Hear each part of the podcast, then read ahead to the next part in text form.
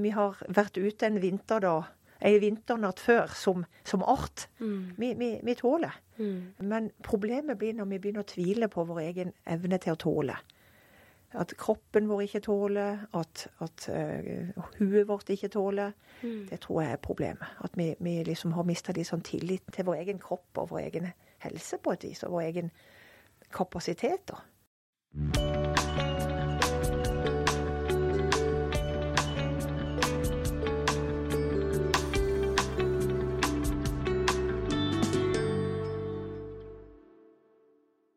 Hjertelig velkommen til podkasten Leger om livet. Mitt navn er Anette Dragland, og jeg jobber som lege.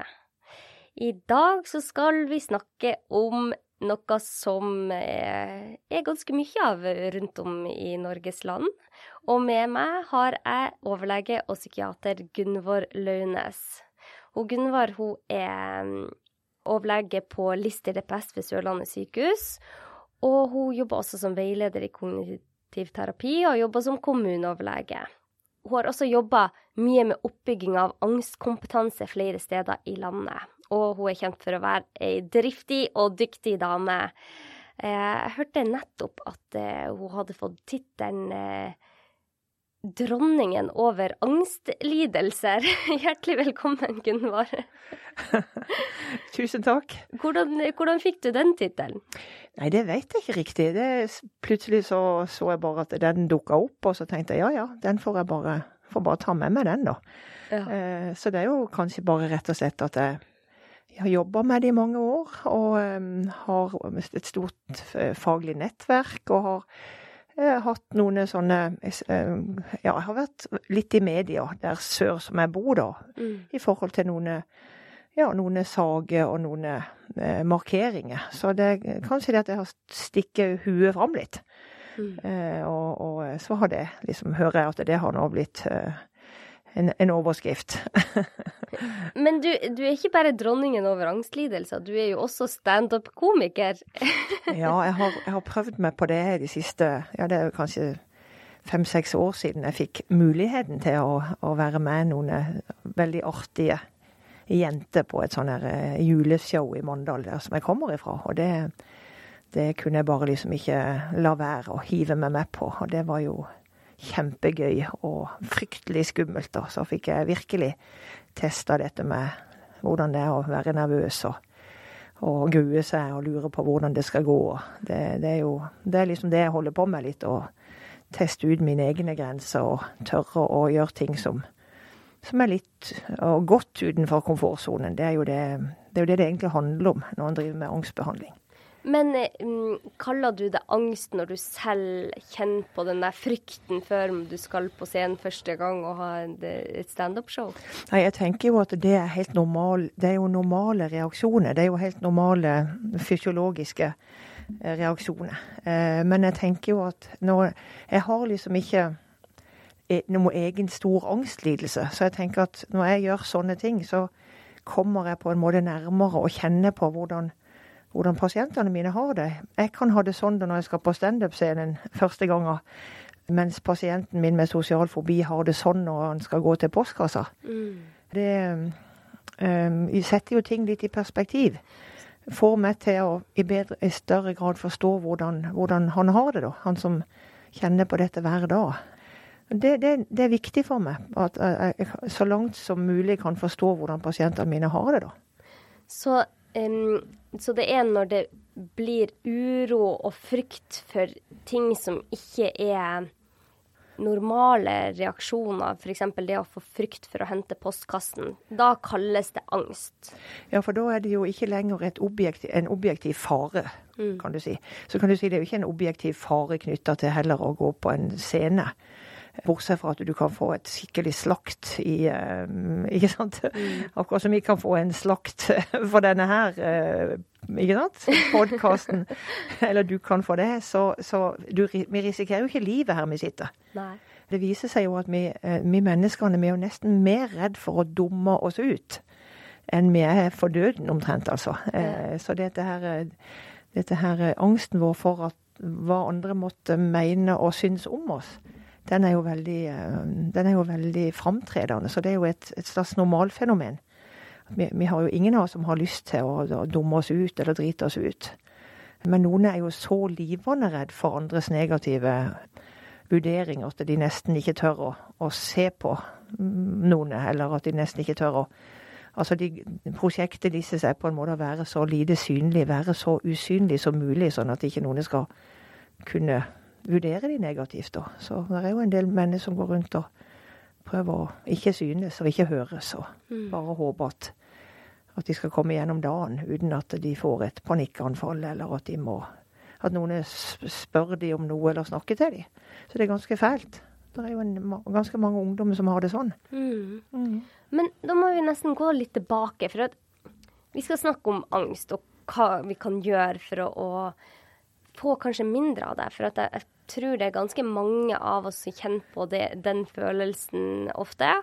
Og um, ja, vi skal gå inn på om det er blitt mer vanlig eller ikke. Men hvorfor, sånn evolusjonsmessig, hvorfor har vi angst? Jeg liker å, å, eh, kalle det for frykt.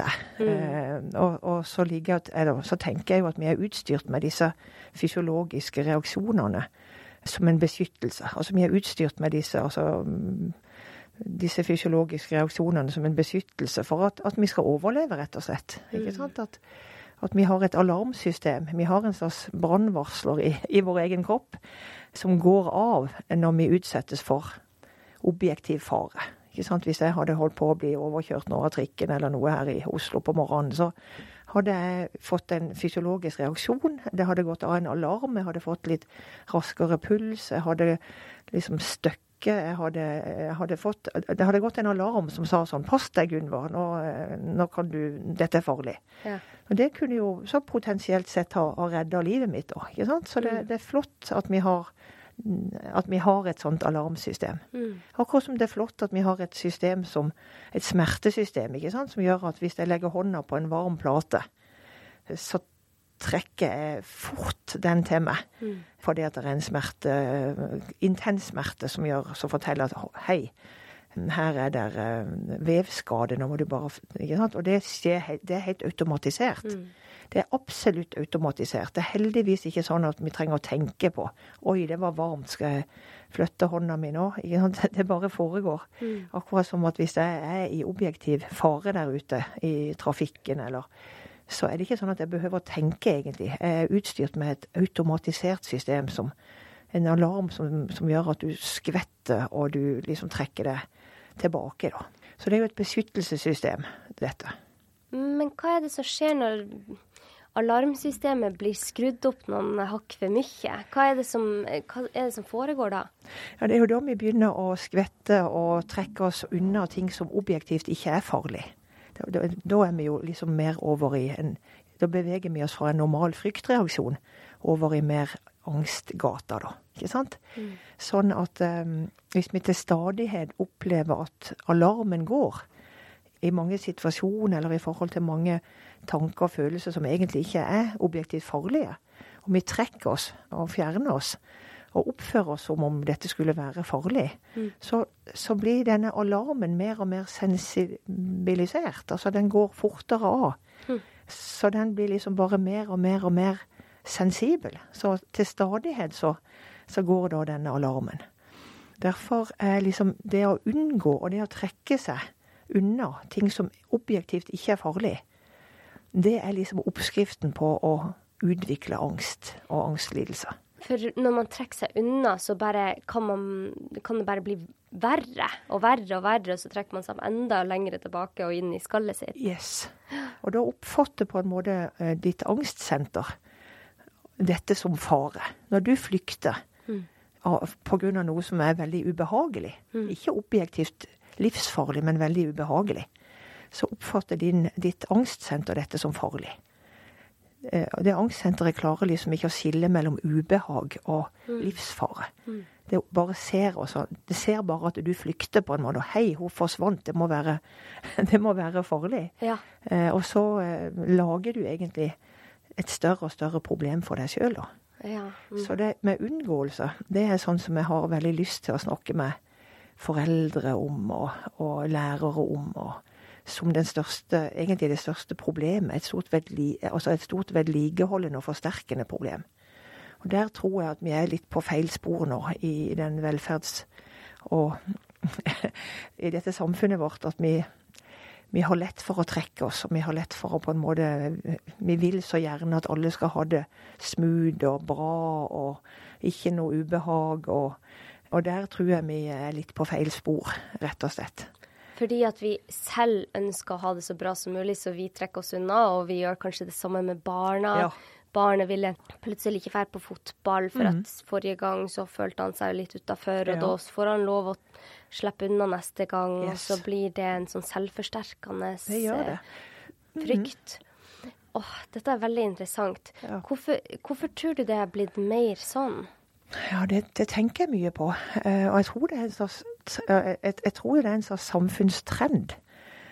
På så veldig mange områder så har vi jo fått det så mye lettere på mange måter i samfunnet vårt. ikke sant? Og Da kommer vi jo tilbake til dette med at foreldre er mye mer tilgjengelige for å ja, hente og bringe, f.eks. For foreldre er mye mer engasjert, og de er tror jeg, da, enn en, en mine foreldre var på 60- og 70-tallet, så var det jo ikke så vanlig at du ble henta og brakt, og du ble eh, Foreldrene dine spurte deg hver kveld om hvordan det hadde gått, og de ville gjerne hjelpe deg med leksene. Og, altså, foreldre er jo på eh, mye, mye mer. Jeg mm. opplever at jeg treffer veldig mye foreldre som er de er så på. De er så De er virkelig på service-sida. Mm. mm. Og de er veldig um, opptatt av om barnet har det bra. og og, eh, og, her kan det gå litt galt innimellom i forhold til at, at en kan frita barnet da fra en del ubehag.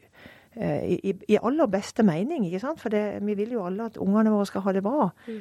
Men i aller beste mening så kan det være at vi fratar ungene våre litt uh, da muligheten til å hva skal vi si, øve seg på å stå i ubehag. Bare det å gå opp til skolen i pøs regnevær og motvind, eh, om ikke det er mer enn ti minutter å gå, mm. er jo slags, et slags ubehag.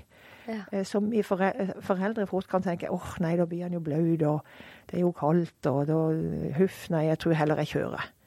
Eh? Eh, eh, det er bare sånne små eksempler på hvordan vi liksom varte opp ungene våre, tror jeg, på en litt annen måte. Nå kan jeg jo høres ut som en sånn gammel grinebiter her jeg sitter. Det, det ikke, jeg har jo ikke lyst til å være hun der eh, fra eh, kjerringa fra helvete som eh, ikke sant, vil tilbake igjen til at du skal gå på ski i to timer for å komme på skolen og sånn. Det, det, er ikke der vi Men det er de der små valgene der ja. som, som, jeg blir opptatt av. Som, verd, som hverdagen er full av. Ikke sant? Hverdagen er jo full av sånne små valg som at kan du gå ned med søpla? Det er jo fire trapper da, ikke sant. Ja, det er jo litt opp og ned, og det er litt kjedelig. og men eh, da tenker mamma ja, men det kan jo jeg gjøre sjøl, for nå hadde han det jo så koselig her. Han sitter jo og eh, snakker litt på nettet med Ja, ja du vet, ikke ja, sant? Ja. så det jeg ser en del av, det er jo unge foreldre som løper beina av seg som de jobber på en uh, som, de, som, om de var både i restauranten og på roomservicen. ikke sant? At de, de er fullt opptatt med service, ja. rett og slett. Ja. Eh, så man gjør eh, de rett og slett mer robust ved at de står i det, går den der, går i stormen til skolen og gir de av og til litt ubehag fordi at det senker kanskje den der alarmberedskapen for mhm. hva som er farlig?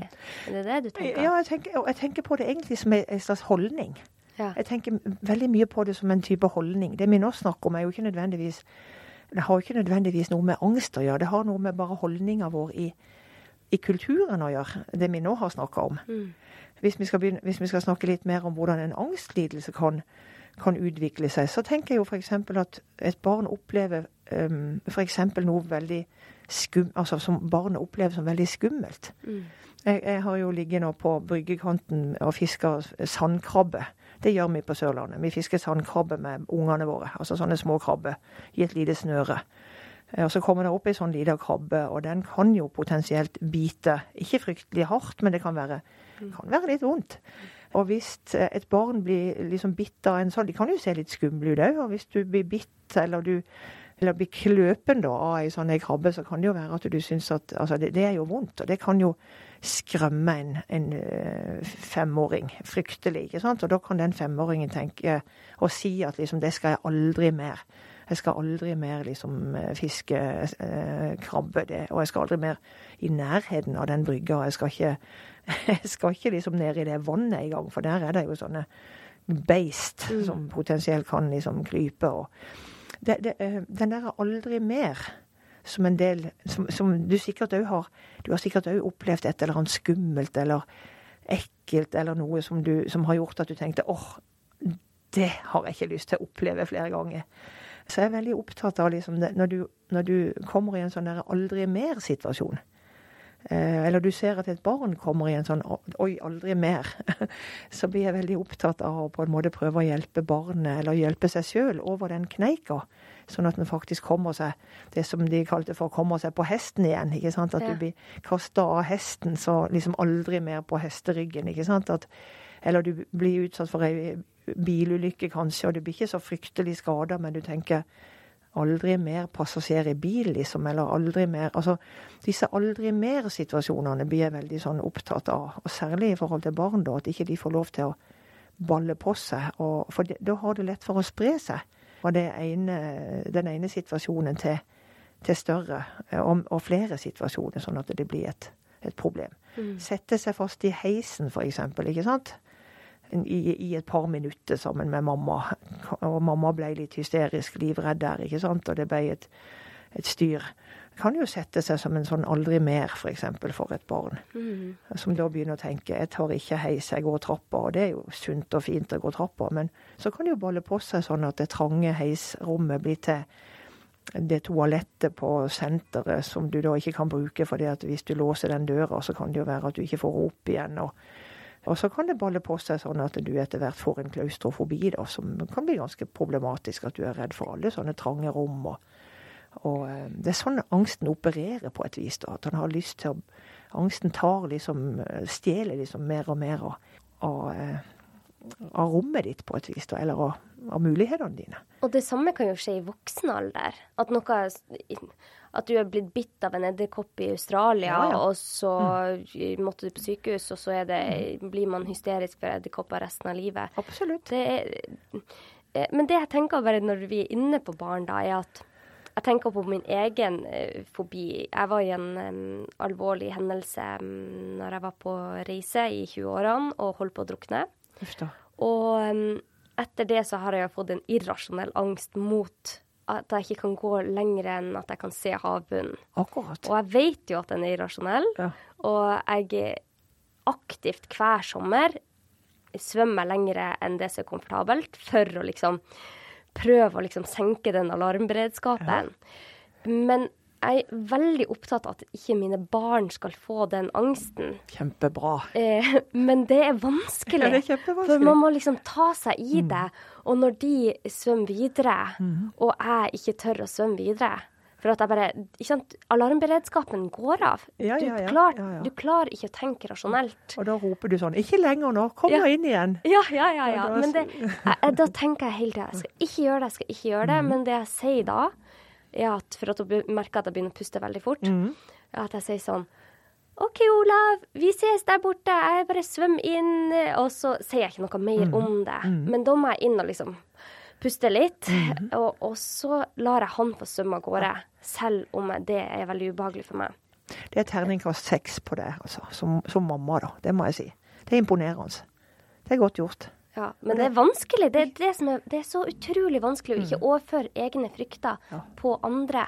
Særlig barna mm. våre. Og det er helt sant. Og det er et kjempetema, akkurat det der. Det er et kjempetema. Og, og, det så, og, det er så, fort gjort.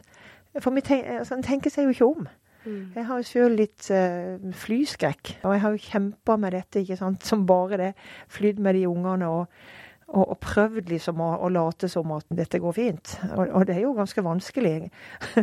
Du skal være en ganske god skuespiller for at ikke barnet ditt skal se at du sitter der og liksom er eh, hvit i knokene. og Ikke sant? Så, så det, det er veldig utfordrende. Eh, Det er virkelig det, altså. Eh, Men hva anbefaler du da? For vi har jo, det er jo veldig mange som har en eller annen frykt. Mhm. Hva anbefaler du å gjøre så vi ikke overfører det over på andre?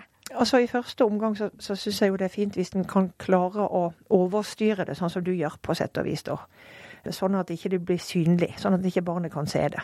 Men, men det er jo veldig vanskelig. Mm. Og hvis du kjenner at du ikke klarer det, så kan du snakke med barnet om det. Og så bare si åssen det er. Og så kan du jo si at det er, det er ikke farlig, det er bare det at mamma Mamma er litt sånn hysterisk. Mamma er litt hysterisk.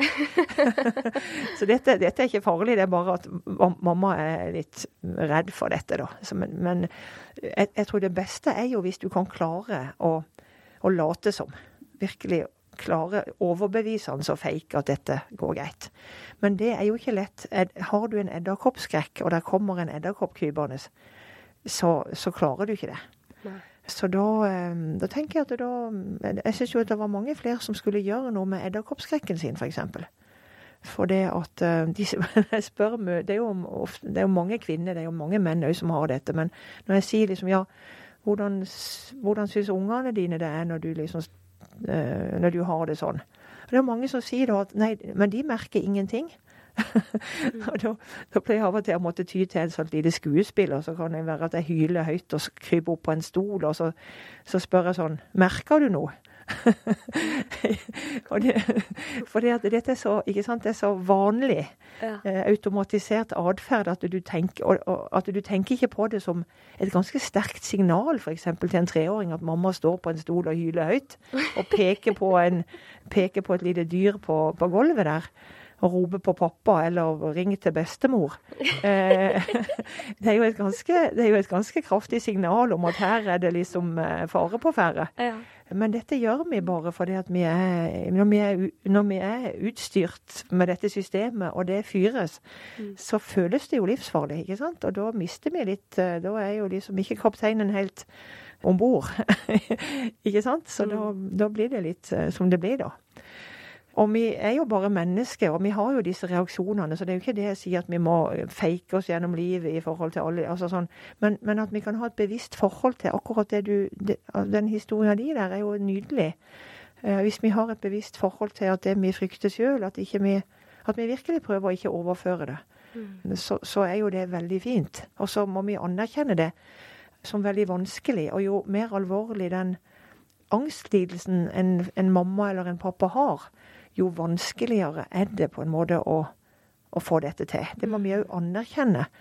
Som, um, vi må anerkjenne det som en, som, et, som en ganske stor oppgave, og en vanskelig oppgave. Og da tenker jeg eh, mer at eh, oss som ikke har noe stor angstlidelse, som bare har sånn flyskrekken vår, eller Det høres ut som du òg eh, har overtaket på din Ja, Din angst der. Jeg, jeg, håper det. Jeg så, så, så tenker jeg liksom at vi kan, vi kan, som ikke er så hardt angrepet, som ikke har en alvorlig PTSD eller har en alvorlig sosial fobi, eller Vi kan koste på oss å jobbe med dette. Mm. Hvis vi får litt kunnskap om det, så kan vi så kan vi gjøre dette som du gjør, ikke sant? Mens har du virkelig en svær posttraumatisk stresslidelse etter at du har vært i krig, eller altså, Vi har jo mange landsmenn som har noen fryktelige opplevelser som de strever med og, og ikke sant, irritabilitet, og de strever med masse ø, angst og, og problemer. Òg i forhold til ungene sine. Og vi kan ikke avkreve folk med svære, digre angstlidelser at de på en måte skal fake at alt går bra. ikke sant? Så, så det er ikke det jeg mener. Så enkelt er det ikke. Mm. Men at vi har et, et Altså at ikke vi som voksne eh, gir etter hele tida for det som vi syns er, er ubehagelig, da. Hvis jeg litt, syns at maur er litt grann ekle, ikke sant, så kan jo jeg, når barnebarnet mitt kommer, så Jeg syns ikke maur er ekle, men jeg ser jo at mange altså det er noen som syns det. Oi, der er det en sånn der tusen bein, eller Da kan vi jo prøve istedenfor liksom å fjerne oss og ta den der ungen i hånda, liksom, så kan vi jo prøve heller å være nysgjerrige. Og så se Oi, se her, Ola. Her er det en sånn liten her er det en sånn liten rar uh, tusenbeiner. Skal vi se litt på den? Ja. Her er en maur. Skal vi telle hvor mange bein han har? Oi, så rar farge det var på han. Mm. Eh, vi behøver ikke ta på han, men vi kan, vi kan istedenfor å gå rett i, i, i, flukt, så kan vi prøve å gå heller litt i nysgjerrighet. Mm. Og vekke de interessene, eh, eller vekke den følelsen. Følelsen av interesse og engasjement. For det blir jo det stikk motsatte da, av å, å flykte. Mm. Så hvis en kunne prøve liksom, å, å, å, tenke litt sånn hver gang en har lyst til å trekke seg ut av noe som en syns er ubehagelig, sammen med barn, da, at en da kunne kanskje tenke nei, da, da gjør vi det heller. Mm. Og det, ja. det, er generelt også, altså hvis det er Hvis man har ubehag for å gå i butikken, f.eks., mm, ja. at man har utvikla det, mm. så, så skal man gradvis gå mot det. Ja, da prøv, prøv, å gå, prøv, å gå, mot det. Og da er vi veldig opptatt av at du gjør det på en måte at du gjør det på en måte som gjør at dette angstsenteret på en måte fanger opp at dette ikke er farlig. For hvis du eksponerer det, som det heter, altså hvis du utsetter deg for, det, for dette som kroppen din er blitt redd for, og hvis du utsetter deg for dette da, som du frykter på en litt sånn ugunstig måte, altså hvis du gjør det litt med feil teknikk, Sett at du ikke egentlig har vært i butikken på lenge fordi at du, der frykter du at du skal få et panikkanfall, f.eks. Mm. At du skal få et angstanfall. Eh, og så tenker du OK, nå skal jeg begynne å gå i butikken. Og så går du i butikken, men du går med hele alarm eh, Du går på en måte i butikken som om du skulle gå inn i en krigssone. Du, du, er veldig på vakt. Du piler inn, mm. og du skynder deg alt det du kan. Du velger den kassa der det ikke er noe kø. Du, du bare liksom løper inn og henter den melka og det brødet, og så løper du omtrent ut igjen. Da eksponerer du det. Men du gjør det det vi kaller for med bremser på. Ja. Du gjør det med et kroppsspråk og en, og en holdning som egentlig Du prøver jo å si til eh, angstsenteret ditt at dette er ikke farlig. Du prøver å resette dette systemet. Ja. Men du gjør det på en veldig lite effektiv måte, for du forteller jo på en måte at det er ikke farlig. Mm. Men så sier du med hele kroppsspråket ditt at jo, men det er jo livsfarlig. Ja. Kan du se det? Så du forteller hjernen din, selv om du prøver å overbevise om at det ikke er farlig, så forteller du hjernen din når du er på butikken, ja. at det er livsfarlig, fordi du skynder deg jo. Ja. Du går med knytte never ja. og liksom bare gjør alt så fort du kan. Så egentlig så kan det bare bli vondt verre av å drive på med den type eksponeringsterapi. Ja, du kan si at uh, i alle fall så går det seint framover. fordi, og, og noen ganger så går det ikke framover i det hele tatt, fordi at du du fortsetter på en måte å oppføre det som om det skulle være veldig farlig. Ja. Mm -hmm. Og dette er veldig interessant, Gunvor. Mm. Fordi at jeg lærte jo mye om Eller ganske mye, da, om eksponeringsterapi under studiet. Jeg husker mm. vi hadde flere kasustikker om det. Mm. Og en, en annen skrekk jeg har hatt, som jeg heldigvis er blitt kvitt ja, Nå forteller alle lytterne mine om mine to store skrekker, men det var taleskrekk. Kjempetaleskrekk. Ja. Og hadde helt siden barneskolen, etter noen eh, vonde opplevelser. Og så, eh, når jeg begynte i turnus, så måtte jeg begynne å snakke på morgenmøtet. Yes. Og jeg hadde jo lært på studiet at eksponering var det beste som kunne skje meg, så da tenkte jeg nå kommer jeg til å bli kvitt det. Yes. For nå må jeg hver eneste dag prate framfor en stor forsamling. Ja. Hver morgen og presentere pasientene mine. Men det ble faktisk bare verre gjennom det året.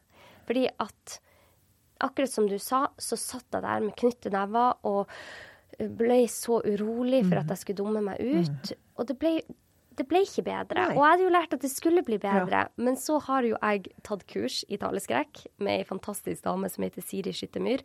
Og hun, hun er fra Sørlandet, en fantastisk dame. Og hun lærte meg jo at jeg må jo på en måte lære meg noen teknikker for å klare å bli kvitt det. For det hjelper ikke å bare eksponere seg mm. hvis man samtidig forteller kroppen sin at dette er livsfarlig. Yes. Og det har jo forandra helt totalt min verden. Jeg kunne ikke laget podkasten uten å ha lært de teknikkene. Nei, det tror jeg. Så det handler jo ikke bare om eksponering. Nei, det er akkurat det det ikke gjør. Det handler om å gjøre det med, med riktig teknikk, da. Ja. Ikke sant? Um, dette med blikkontakt, ikke sant. At hvis du uh, ikke, altså, ikke bruker blikket foran ei forsamling, du er snakker veldig fort, f.eks. Det gjør en jo ofte for å liksom komme gjennom. Du er liksom forberedt noe så voldsomt. ikke sånn, Kanskje du har manus, ordrett, kanskje til og med. Så, så, oppfører du deg jo som om at dette er veldig farlig. Det er fryktelig farlig hvis det blir litt feil, eller mm. Og da går det veldig eh, seint framover, hvis det går framover i det hele tatt. Og Det er et veldig godt eksempel, det du det, Du har et veldig godt eksempel der. og du hadde kanskje det som vi kaller for prestasjonsangst, og kanskje mer enn sosial for... Altså, ja, jeg vil nok For det var i en sånn spesiell setting. Ja, jeg skjønner. Uh, men du kan si at de med sosial angst, de har jo, de har jo den. Men så har de det, det, samme som det du erfarte, det har de jo på en måte i smalltalken. Overalt, liksom. Overalt. Ja, Tenk på det. Bare, eh, det, er ikke, det, er ikke, greit, vet du. At du må ha manus når du skal ha smalltalke. Det, er ikke, det er ikke greit. Det er ikke det smalltalk er meint for. At du har tenkt liksom oi, jeg kan begynne med været, og så kan jeg gå videre på liksom krigen, og så kan jeg ikke sant? Det er jo ikke, det er ikke sånn. Mm. Det, det, er ikke sånn det er meint, tror jeg. Eh, ikke sant? Når vi skal bli kjent med noen, da skal vi ta det sånn som det kommer. Så hvis en på en måte øver seg, da, med, med feilteknikken. Fortsette å kikke ned i bakken, eller prøve å ikke møte blikket. En snakker med lav stemme. En prøver å skjule at en blir kanskje svett eller rød. En legger inn my veldig mye på dette med kamuflere seg, så ikke noen skal se at jeg blir rød hvis det er et problem. Jeg sier nei takk til kaffe, for da kan det jo være at du ser at jeg skjelver lite grann. Så, eh, så du er egentlig fullt opptatt med å passe på Mm. Du, du, har et enormt eh, inn, fokus inn mot deg sjøl. Mm. Og, og, passe på eh, kroppen din og stemmen din, og at ikke du skal, at ikke du skal se nervøs ut. Det er jo på en måte oppskriften på å bli ganske nervøs. I seg selv. ja. Og, og, egentlig ganske sånn lite tilgjengelig for den andre, da. Så hvis du skal bli kjent med et nytt menneske, eller på en date eller noe, så du, sitter du egentlig bare og er opptatt av Eh, deg sjøl og hvordan du framstår. ikke sant? Eh, hvordan stemmen din er, og hvordan, hva du sier, og nå må de ikke se at jeg ble rød. og mm. Så blir du jo eh, blir ikke den beste versjonen av deg sjøl, da. Og det var vel det du hadde en liten smak av når du satt på de morgenmøtene og strevde med. Ja, det er en helt forferdelig ja. følelse. Ja, det, det... Men hvor det, altså sosial angst, la oss gå inn på det. For at jeg får mange lyttere som spør meg om mm. akkurat det. Mm. Så jeg vet ikke, du vet jo hvor vanlig dette er, mm. men, mm. men hva, hva, gjør du eh, først og fremst? Er det vanlig med sosial angst? Ja, det er ganske vanlig eh, med sosial angst. Men det er kanskje den sosial angst synes jeg er egentlig kanskje den aller mest utfordrende angstlidelsen. Fordi at den, den går sånn over i det, det, er så normalt på en måte å være opptatt av å framstå eh, greit. ikke sant? At, ikke vi, ja, at andre syns at vi er alminnelig greie. Uh, sånn at det, det, går sånn over i fra normalitet og til patologi. Ja. Den, overgangen er, er så glidende. Pluss at den, den lidelsen kan òg um, være kombinert Den er jo veldig ofte kombinert med depresjon. Og den kan òg være mer på en måte slags uttrykk for en altså sjenert. Det å være en sjenert person. Å være kanskje òg en person med litt lavt selvbilde. Dette kan ofte blande seg litt sammen, sånn at det, blir, det kan være litt sånn mer kompliserte uttrykk, da. Som kan se ut som sosial fobi. Ja. Som egentlig Sosial fobi er jo egentlig mest et problem med å formidle seg. Du hadde sikkert god tro på at det du skulle si der på morgenmøtet, ikke var spesielt dumt. Og du hadde ikke du hadde, Jeg vil gjette på at du hadde ganske, ganske, hadde ganske god sånn trua på at det du skulle komme med der på morgenmøtet, var OK. Mm. Men det var selve formidlinga som var mm. vanskelig. Mm. Ja. Ikke sant? Mm. Men uh, i den og det er egentlig det som er sosial fobi, at du ikke nødvendigvis syns at du er så dum, men det er bare det som er utrolig vanskelig å få presentert, presentert det på et vis, da. Mm. Eh, mens noen, en, en, del med sosial fobi, eh, og mer over i de som har mer sånn um, selvbildeproblematikk, da, som er litt, litt mer alvorlige problemer, de syns jo egentlig slett ikke at de har noe å komme med. Mm. De syns de er dummere enn andre, og de syns de er ja, kjedelige og, og ja. Så, så det, det, er et stort spekter. Det, det, det er stor, et stort spekter av problemer her. Mm. Eh, egentlig, hvis du skjønner. Ja, Så det er mer sammensatt eh, kanskje enn som så?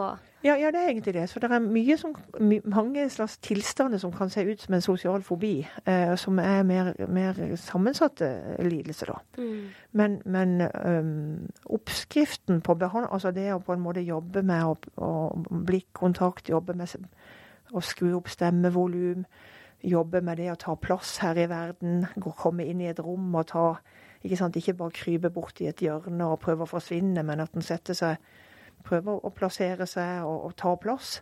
Det er jo gode oppskrifter sånn sett for alle mennesker å ta, å ta den holdninga, da.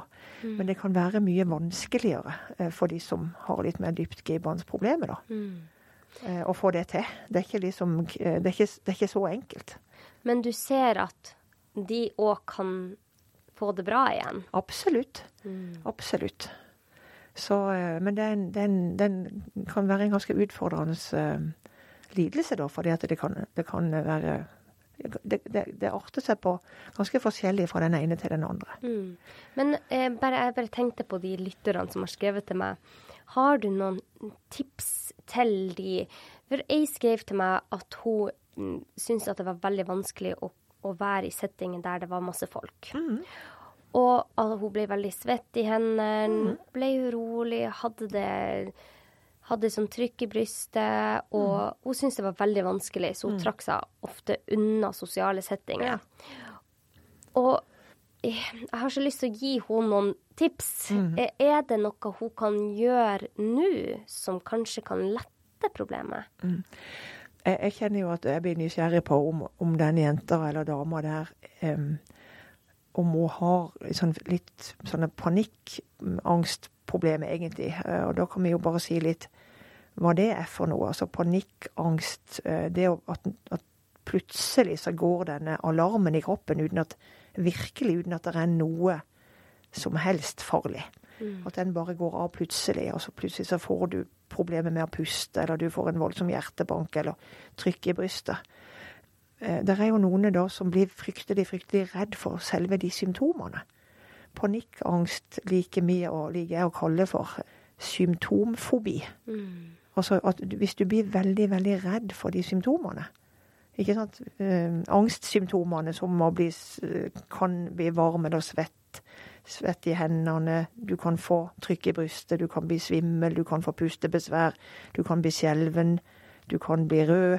Altså hvis du, hvis du blir bare fryktelig redd for de symptomene og tenker at oi, nå besvimer jeg, eller nå, eller nå får jeg ikke puste, eller så kan det, så kan det noen ganger ligne litt på sosial fobi på et vis, men du er egentlig mer redd for de kroppslige symptomene da enn du er for selve den sosiale situasjonen.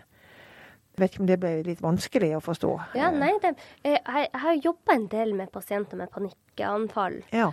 Og jeg syns det var en veldig spennende studie fra USA som der hun hadde Det var en forsker, jeg husker ikke hva hun heter. Hun hadde sett på pustemønsteret deres mange timer før de fikk et pusteanfall. OK. Og det hun fant, var at de pusta veldig overfladisk opptil en time før panikkanfallet slo ut. ok. Hva du syns om det der?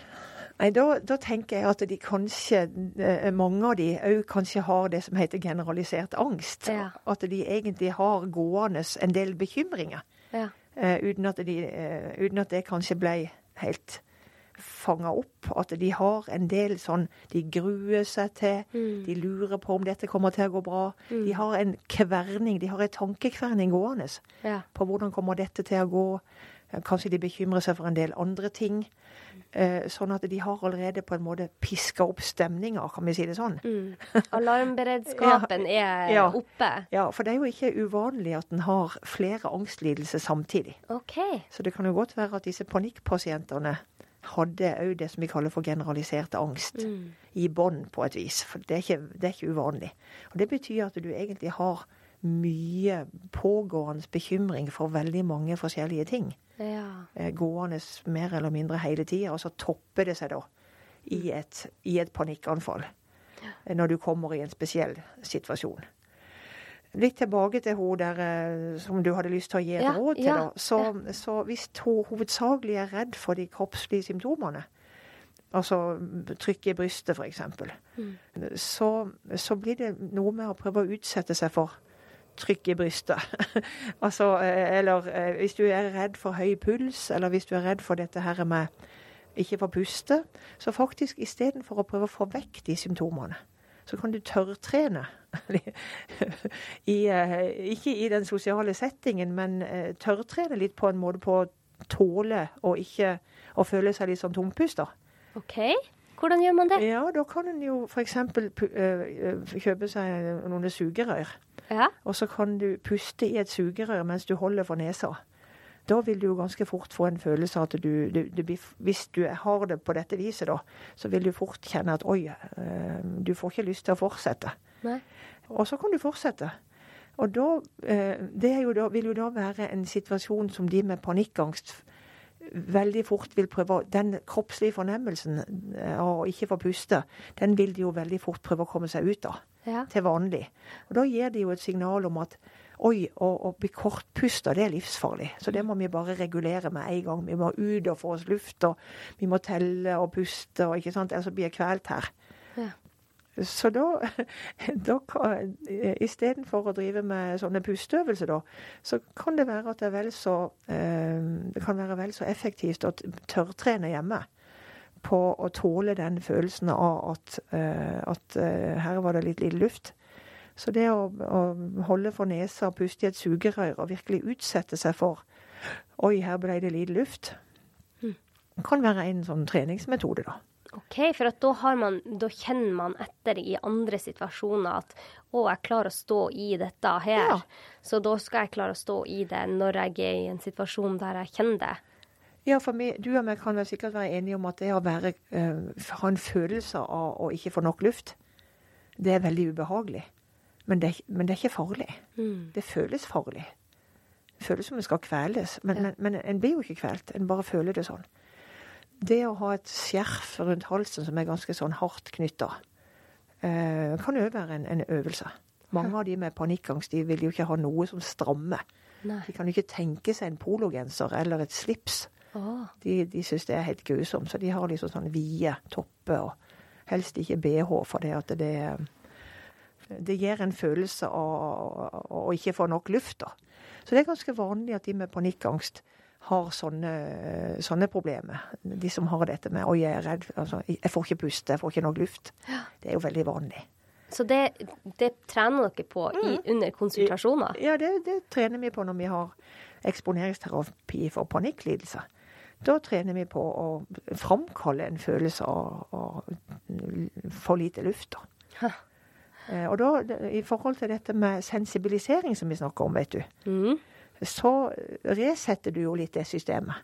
For hvis du driver flyktig fra denne følelsen av for lite luft, hvis du driver flykter stadig fra den 'oi, nå må jeg puste, nå må jeg huske å puste', eh, eller 'nå må jeg komme meg ut', så blir jo den òg sensibilisert. Mm. Ser du det? Ja. Så um, istedenfor å begynne å liksom ta aksjon og mm, puste eh, og ta kontroll på pusten og komme seg ut og sånn, så er det jo fint hvis en kan få skudd ned den sensibiliteten der, og heller bli sittende i situasjonen. Puste normalt. Og det kan tørrtrene på, da. Eh, gjennom f.eks. å øve seg på å være i sånne situasjoner med lite luft. da. Ja, ja. Sette seg i et trangt kott. Det er jo ikke noen har lyst til akkurat hvis en har klaustrofobi, men de fleste har et kott. Eller en, et trangt eh, klesskap eller noe. Sette seg litt der. Lukke døra. Ta med seg en kopp kaffe. ja, ja, ja. Men, eh, så det handler om å eksponere seg, men når man eksponerer seg, så vil man jo ikke gjøre den tabben jeg gjorde med å, å si til kroppen sin at dette er faktisk farlig, selv Nei. om eh, det ikke er det. Så man må øve på da å Gjør puste med magen, si til seg selv at dette går bra. Ja, så må du ikke si det så mange ganger til deg sjøl, for da hvis du sier 'dette går bra, dette går bra', dette går bra, så sier du jo egentlig at 'dette er farlig'. Så jeg må jo, si, jeg må jo si til meg sjøl hele tida at 'dette går bra'. Eh, Det er jo ikke heller. ikke sant? Så den derre positive selvsnakket Hvis en til stadighet må på en måte si til seg sjøl at 'dette går bra', så blir jo det òg liksom sånn Hm, hvorfor må hun si det hele tida? så hvis du sier til et lite barn til stadighet at ikke sant, Si tannlegeskrekk, da. Ja. Si at du har tannlegeskrekk sjøl, og så skal du være med ungen din til tannlegen. Det Ja. kan jo være en sabla utfordrende situasjon. Ja, ja. Og så sitter du der, og du hater jo dette sjøl, da. Og så er du jo redd for at du skal overføre dette til barnet ditt. Så da sitter du på venterommet sammen med seksåringen din, og så sier du liksom 25 ganger at 'dette går bra, det går fint'. Det kommer, det kommer til å gå kjempefint. eh, Ja, hva barnet Hva kan barnet trekke ut av det, liksom? Ja. Da har du jo allerede um, antydet at um, Dette er dette, dette er ikke Du sier jo ikke det når du skal på kino. Du sier ikke det til ungen. Ikke sant? Det kommer til å gå kjempefint, du skal ikke være redd. Dette går flott. Du sier jo ikke det Nei. mens du venter på at du skal slippe inn på kinoen. Så den der, um, så jeg, pleier å si at amygdala, altså dette angstsenteret, det fungerer nesten som et lite barn. Altså det er atferden din som blir fanga opp. Det er hva du sier som blir fanga opp. Det er hva du gjør som blir fanga opp. Mm. Amygdala har liksom ikke bedre vett enn en, enn en treåring. Så det blir fanga opp hva du gjør, og hva du sier. Men når, når du, dere har eksponeringsterapi da, med det sugerøret eller et stramt skjerf, hva gjør dere da for at kroppen skal skjønne at dette er ufarlig, selv om det føles farlig? Du kan si bare det at den, bare det at den faktisk nærmer seg denne ubehagelige følelsen. Bare at den faktisk på en måte, istedenfor å flykte fra denne kroppslige ubehaget, at den faktisk inviterer det ubehaget inn. Altså får det fram i kroppen sin, er jo et ganske sterkt signal til angstsenteret om at hm, da er det ikke farlig, da. Å være litt og, og, og kjenne på litt sånn eh, tung pust. Er ikke det farlig? Det er jo nesten som å se på mauren og, og begynne å telle beina Mm. istedenfor å, å løpe. Mm. Kan du si det? Så man, man kjenner litt på følelsen òg. Man blir vant til følelsen under trygge omgivelser, og det er det som er forskjellen. Ja. Og så får du skrudd ned denne sensitiviteten. ikke sant? Du får Ja. Sånn at det, alarmen går ikke så fort av når du Neste gang du får dette her, den her tunge pusten, så, så er det ikke sikkert at alarmsystemet blir så voldsomt at du, det blir så en stort drama ut av det. Men du skrev noe til meg, Gunvor, eh, for noen dager siden som jeg har tenkt litt på. Eh, For når vi snakker om dette med å være redd for ting, så skrev du, nevnte du dette at mange er redd for og det er jo noe som er blitt mer og mer vanlig. Redd for å gå på veggen. Redd for å bli utbrent eller Ja. for sliten. Hva, og så sa du at du ønsker å snakke om dette. Jeg vil gjerne høre dine tanker om dette. Ja. Det er noe av det jeg er aller mest opptatt av akkurat for øyeblikket. Ja. For jeg, jeg treffer veldig mange nå, både unge og, og litt eldre, som eh, er fryktelig redd for at hva om det blir for mye? Ja. Den tanken der. Mm. Hva om det blir for mye for meg? Mm. Og de, eh, og de som er virkelig mm, kommer til behandling da i min, på mitt, eh, min angstpoliklinikk, de har jo på en måte kanskje gått på en smell, som de sier, eller gått på veggen, eller de har en, en negativ erfaring kanskje tilbake, noen år tilbake, 2018 eller 2019, at de kanskje opplevde noe i livet sitt, at det var noe som skjedde. Kanskje det ble ja, hadde noen konflikter på jobben, eller de fikk ikke sove, eller det var noe et eller annet som gjorde at de fikk angst og depresjon. Altså de fikk en periode der de hadde det vanskelig. Mm. Og så kanskje de var sykemeldt 100% en, en periode. Det er jo ikke så uvanlig. Halvparten av den norske befolkninga opplever jo en sånn episode. Ja. Det er nesten så vondt i ryggen, det. Det kommer vi til å få en gang i løpet av livet. Ja. 70% av oss. Ikke sant? Ja. Så det kommer til mange av oss. ikke sant? Men så er det spørsmålet hvordan kommer vi oss på beina igjen, og hvordan kommer vi oss tilbake igjen? Ja. Og da opplever jo jeg at det er mange som ble så skrømt og hadde det så vanskelig at de, når de da begynner å trappe opp igjen og skal ta tilbake livet sitt og funksjonene sine, så kommer denne her hva om det blir for mye? Eh, og der tror jeg dessverre at vi som helsevesen ikke har gitt de de beste rådene. For der er det mange som får dette her. Nå må du være forsiktig, nå må du ta vare på deg sjøl, nå må du ta hensyn til deg sjøl, nå må du ikke gå for fort fram. Nå må du lære deg å sette grenser, som om, som om alle som gått på, har gått på en vegg, skulle ha problemer med å sette grenser. Ja. Det er jo ikke sånn. Nei. Det er jo mange som er ganske gode til å sette grenser, som kan gå på en vegg eller en smell. Men universaloppskriften opplever jeg litt grann i det norske helsevesen. Det er at har du gått på en smell, eller en vegg, eller vært utbrent, eller hva vi kaller det for, så får du denne oppskriften om at du må finne den akkurat riktige balansen. Du må passe deg så ikke det blir for mye.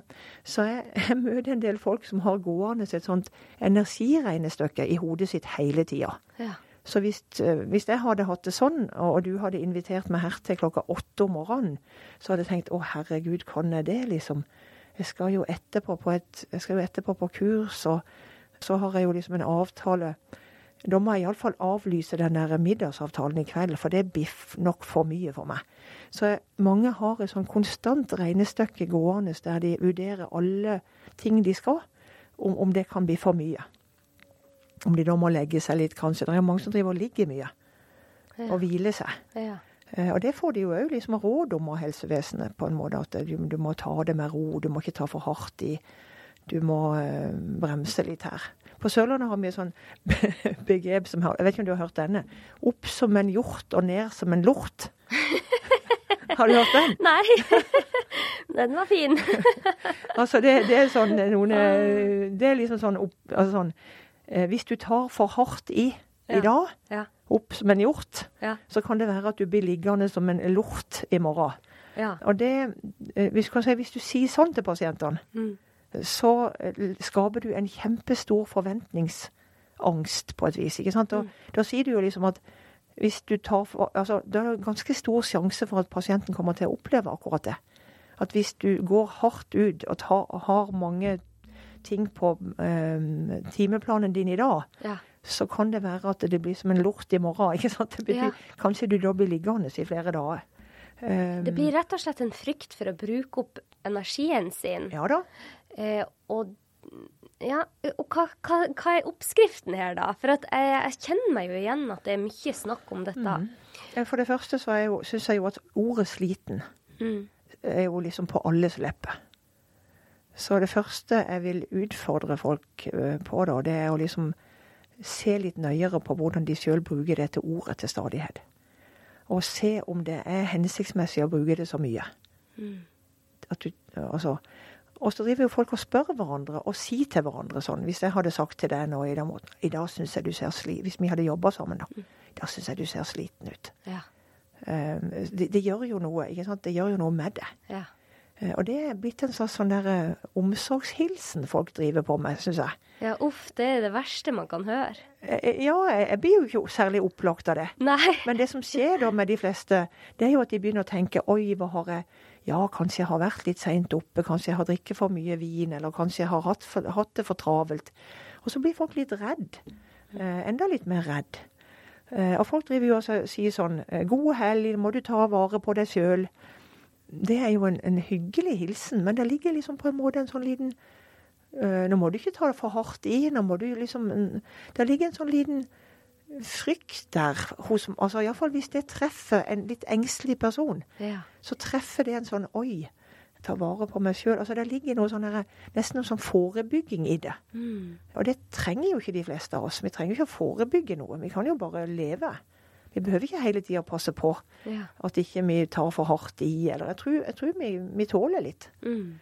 Så, så det der med å bruke ordet Jeg, jeg, blir jo veldig skrømt skremt når jeg hører sånn 11-12-åringer som sier at de er slitne. Mm. Og jeg liker det ordet veldig dårlig, for jeg syns det er så unyansert. Mm.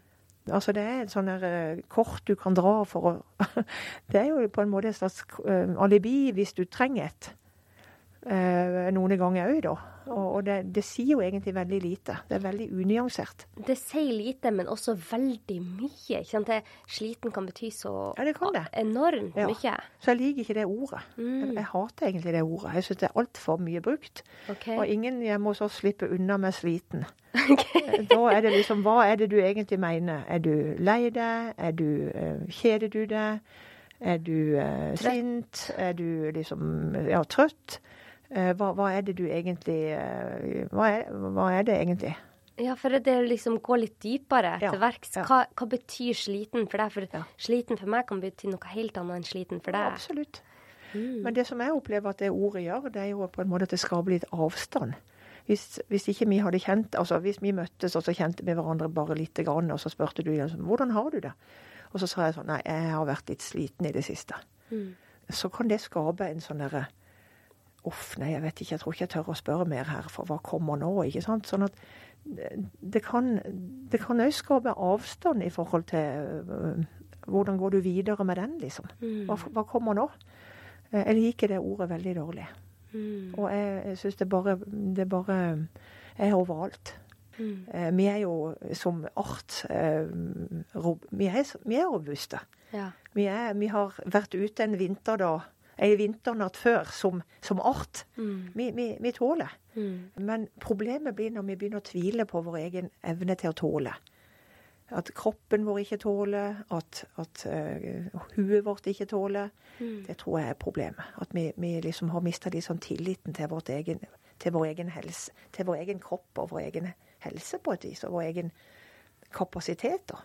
At vi blir så fryktelig redd for at det skal bli for mye for oss. da. Mm. Så, og det som jeg òg tenker blir veldig viktig akkurat der, da, det er fordi at utmattelse og slitenhet, fatigue, er jo et symptom både på angst, generalisert angst f.eks., og depresjon. Mm. Så jeg tenker jo at um, mange opplever jo da at de blir fysisk veldig Altså det er jo en veldig, et veldig sånn fysisk fenomen. Mm. Føles, føler seg sjuk. Føler seg egentlig helt kaputt. Så det er jo veldig vondt.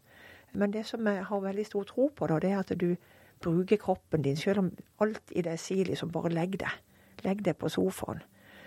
At en, en faktisk klarer å opprettholde noe fysisk aktivitet. Mm. Så når, når, kroppen din sier liksom nei, ikke ut på tur, ikke på trening, her må du bare ligge og, og lade batteriet, Ja. så skulle jeg ønske at flere skjønte at den beste ladinga av det batteriet, det er faktisk å gå ut i naturen. Det er faktisk å gå seg en skikkelig tur Mm. i oppoverbakke. Og at det som egentlig mange ganger trenger å hvile seg, det er, det er huet ditt. Det er egentlig det der pågående grublinger og bekymringer som du driver med. Eh, og ikke minst denne balansekunsten som du prøver å At det er det egentlig Det er det stresset der du egentlig skulle prøve å finne av-knappen i forhold til. Det var der du skulle prøve å For det, det er jo det som driver, tror jeg, da.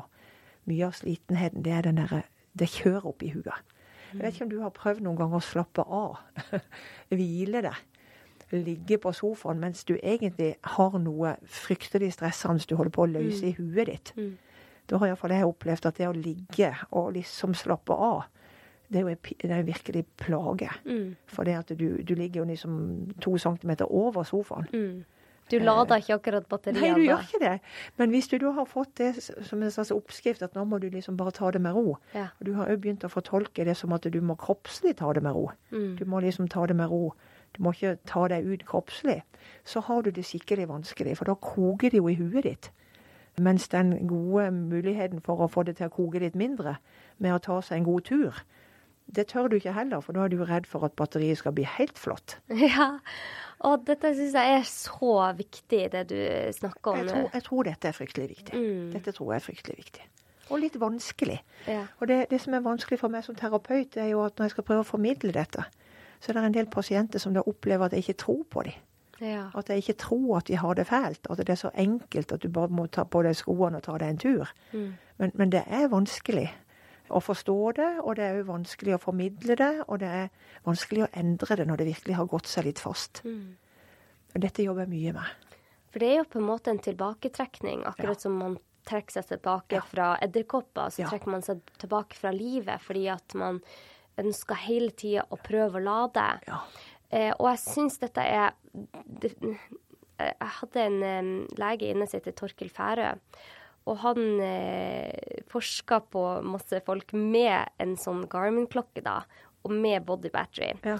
Og det han sier da, er at eh, han er veldig opptatt av det samme som deg, at alt stress er jo ikke dårlig stress. Stress kan være veldig bra Ja, for deg. det det. Og han ser det at han hadde en eh, deltaker da på denne studien som hun var introvert, så hun trodde at det viktigste for hennes batteri var å trekke seg unna. Så hun var veldig mye alene, sånn at hun kunne lade. Sikkert ligge på sofaen og lade. Og så viste det seg det at eh, hennes stressnivå, for man kan jo måle stressnivåer nå, mm. hennes stressnivå var mye høyere neste dag hvis hun hadde vært hjemme og lada, enn hvis hun hadde vært ute blant folk og spist middag med masse mennesker og hadde det gøy. Så selv om hun tenkte at hun bør være mye og lade, Ja. så virka det mot sin hensikt. Hun, hun fikk mer utladning av det. For det er ikke sunn ladning, rett og slett. Du, du får ikke lada batteriene på det viset. Og det, det er det som er så Det, det, det er nyanser det er vanskelig å snakke om. Men jeg har også veldig trua på det der med å snakke til seg selv som man er robust. Mm.